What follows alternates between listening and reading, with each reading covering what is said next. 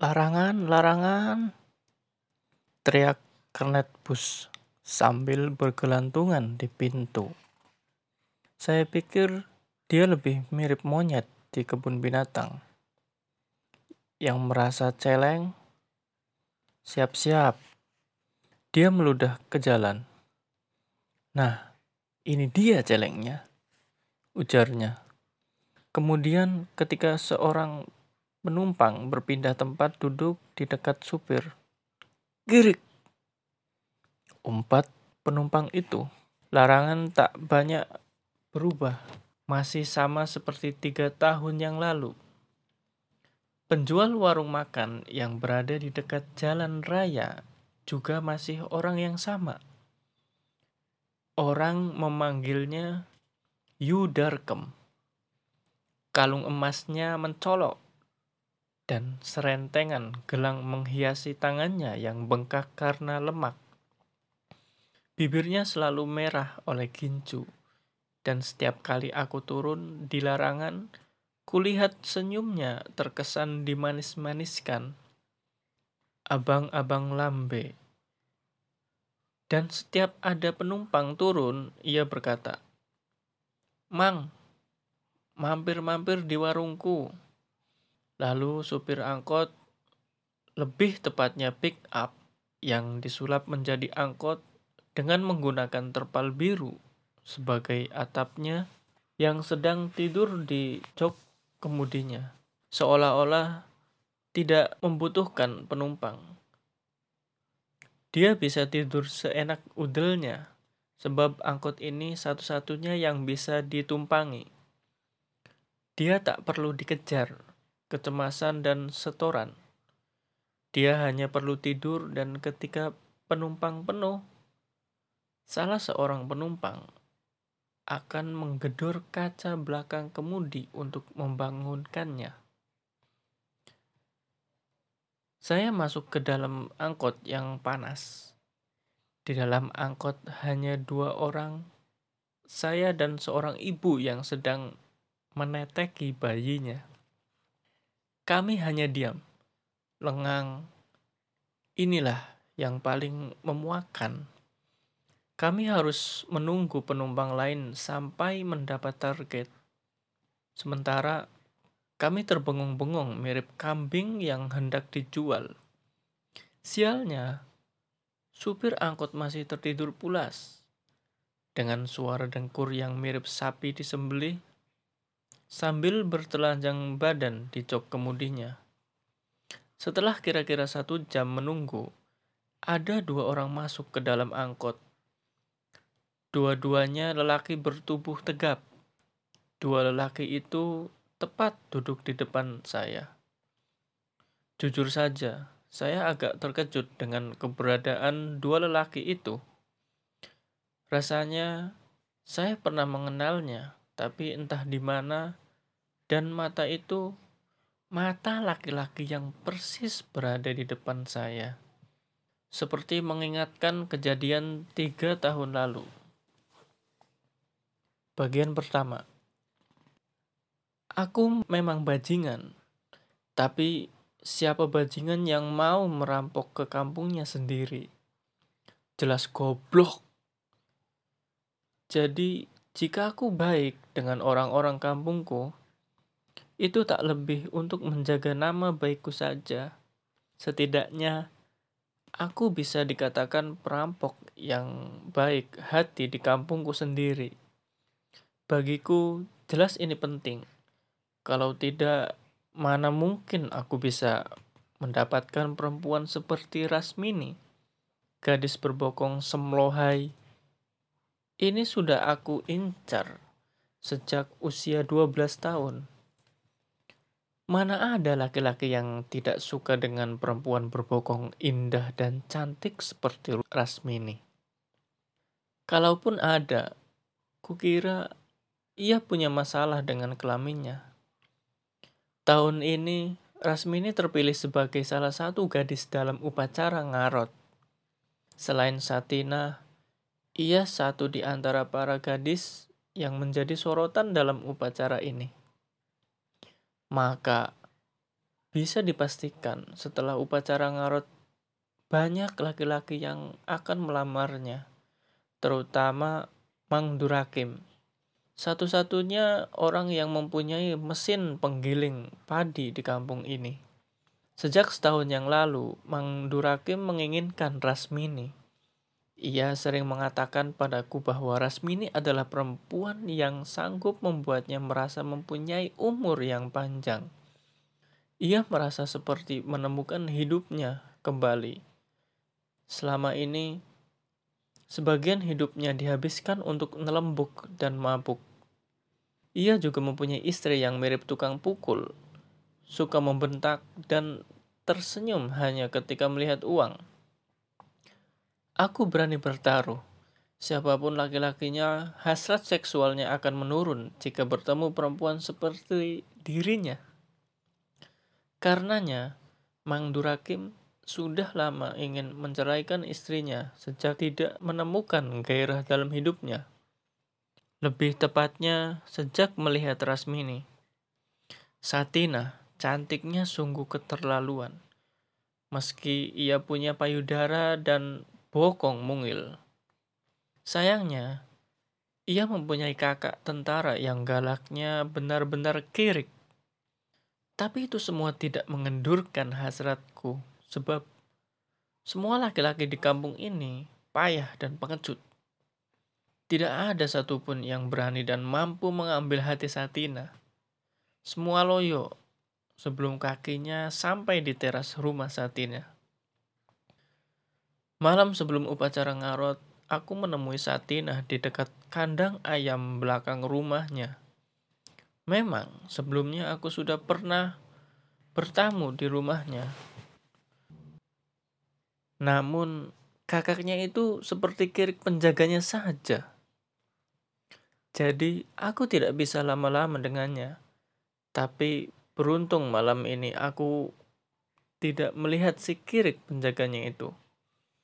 Di samping kandang ayam kami bercumbu rayu Bau tai dan pakan ayam bercampur dengan wangi parfum kami. Sesekali kami melihat ke arah depan rumah. Khawatir kakaknya muncul dan sudah pasti aku akan kena pukul. Kukatakan pada Satina, semua orang takut mendekatimu karena kakakmu. Tapi rasa cintaku lebih besar dari rasa takutku. Ia tersenyum. Pipinya memerah, Aku mencium pipinya.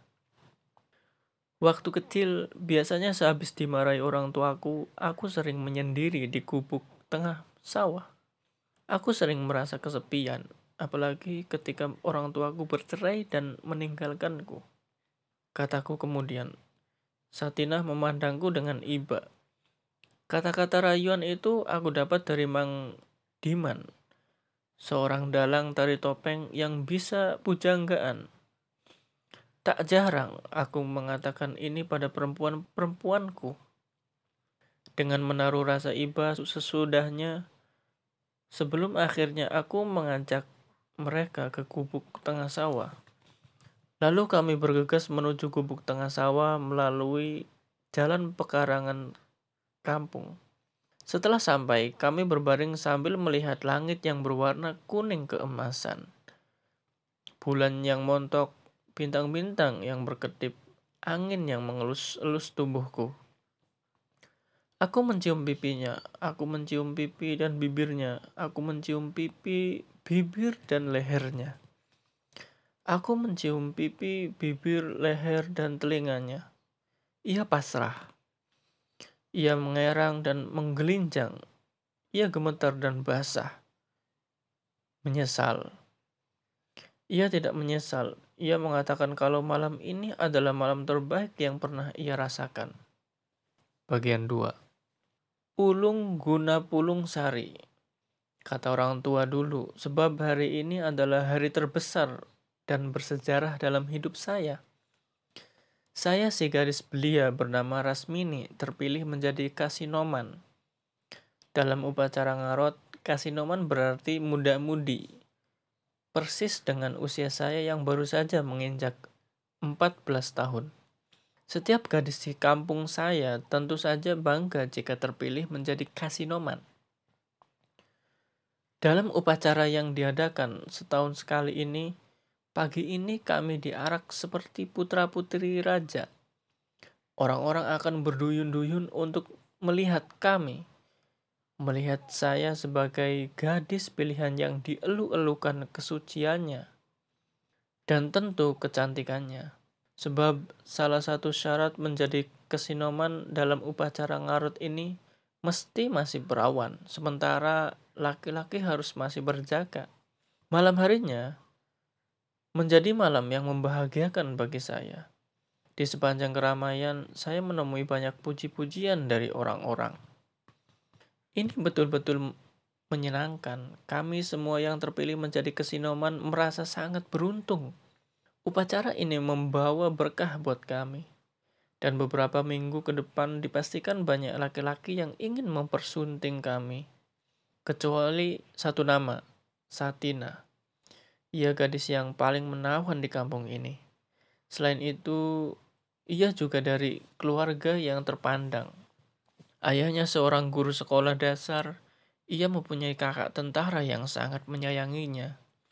Namun pagi ini Martabat Satina hancur berantakan. Bunga kenanga di kepalanya layu. Orang-orang mengolok-olok dan menuduhnya pembohong besar. Satina sudah tidak perawan. Di tengah keriuhan itu, lengan Satina ditarik kakaknya keluar dari barisan kami. Hingga sampai kini Satina dan keluarganya belum terlihat sama sekali. Kakekku pernah mengatakan kalau ngarot ini berarti meruat atau membersihkan diri.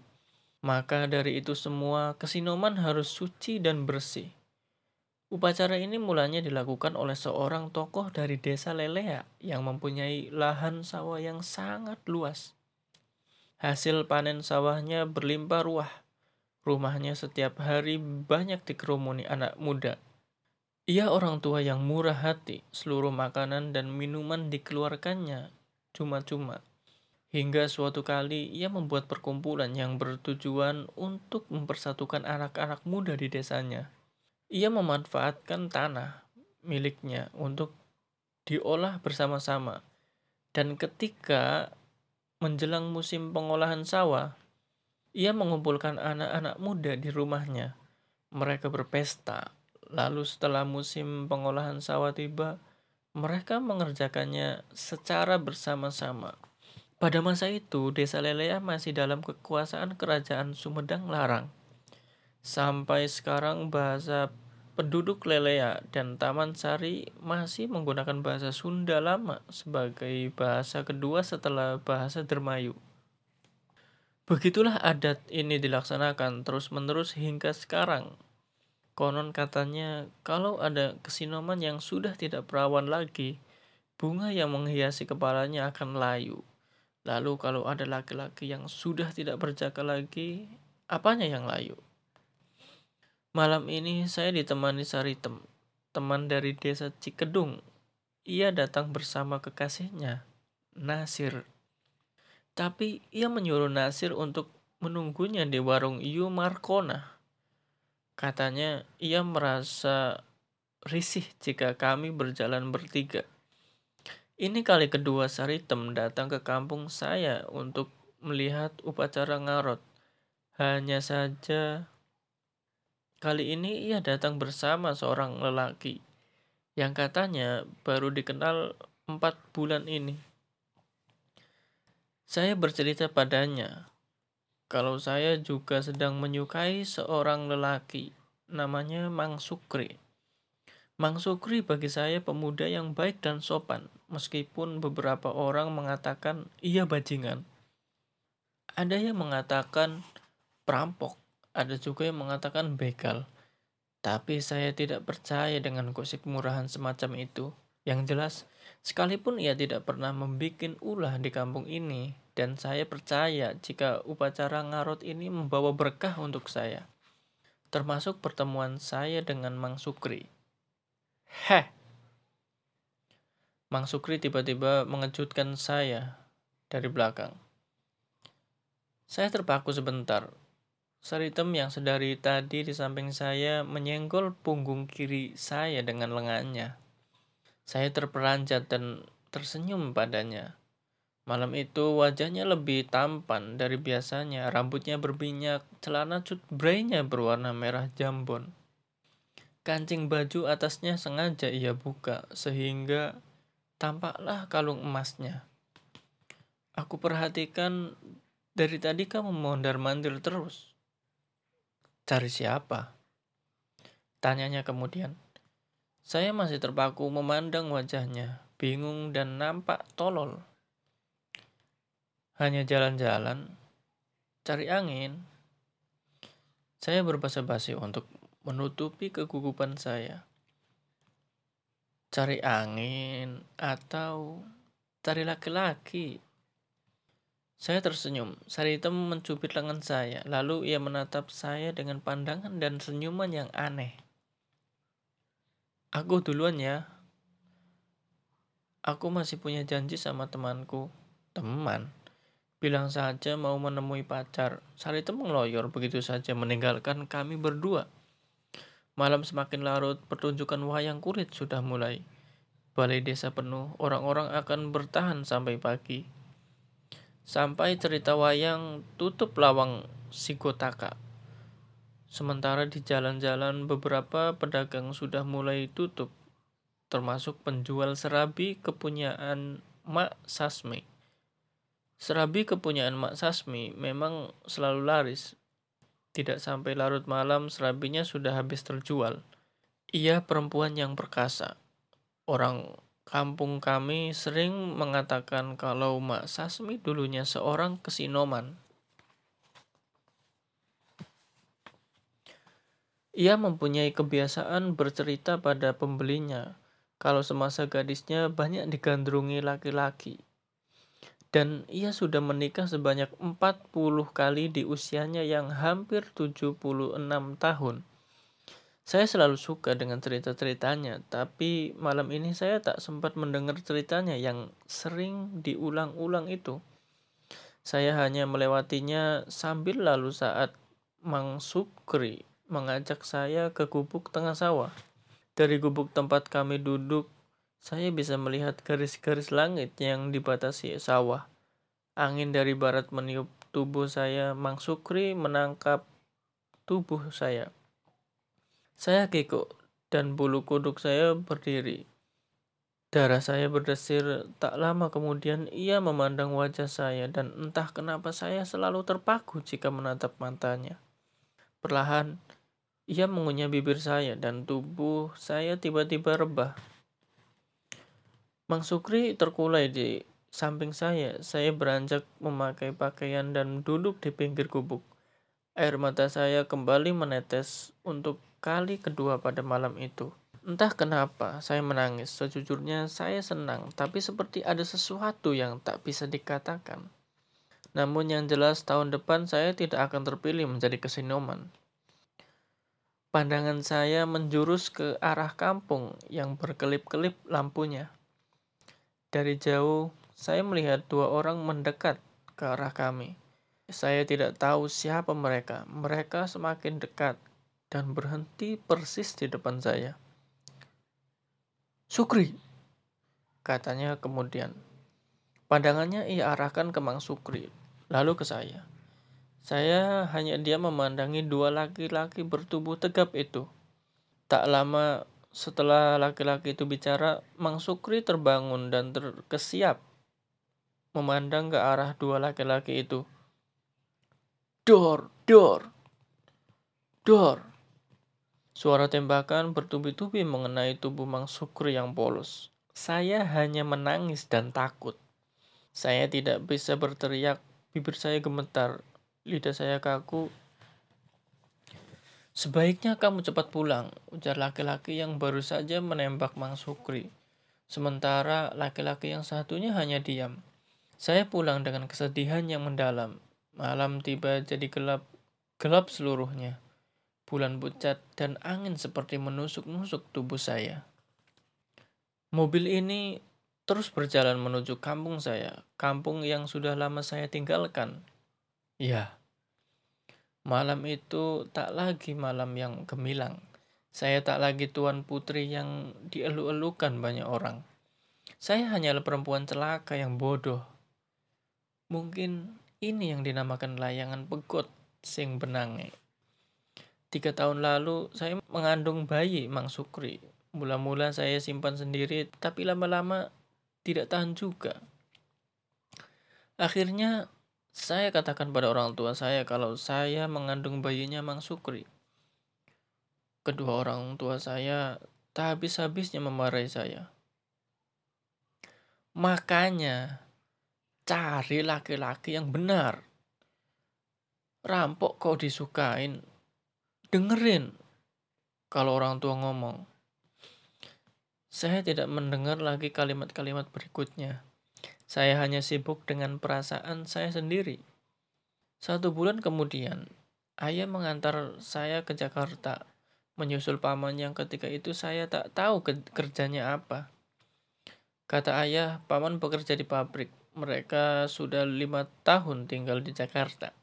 Biasanya mereka pulang jika lebaran saja. Setiap lebaran mereka selalu membelikan saya baju baru. Mereka sangat baik, mereka pula yang sibuk mengurus kelahiran anak saya. Dan sekarang anak saya sudah berumur dua tahun.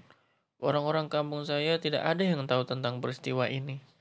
Mereka hanya tahu saya ikut bekerja dengan paman di Jakarta. Laki-laki tegap yang duduk di depan saya sesekali menatap.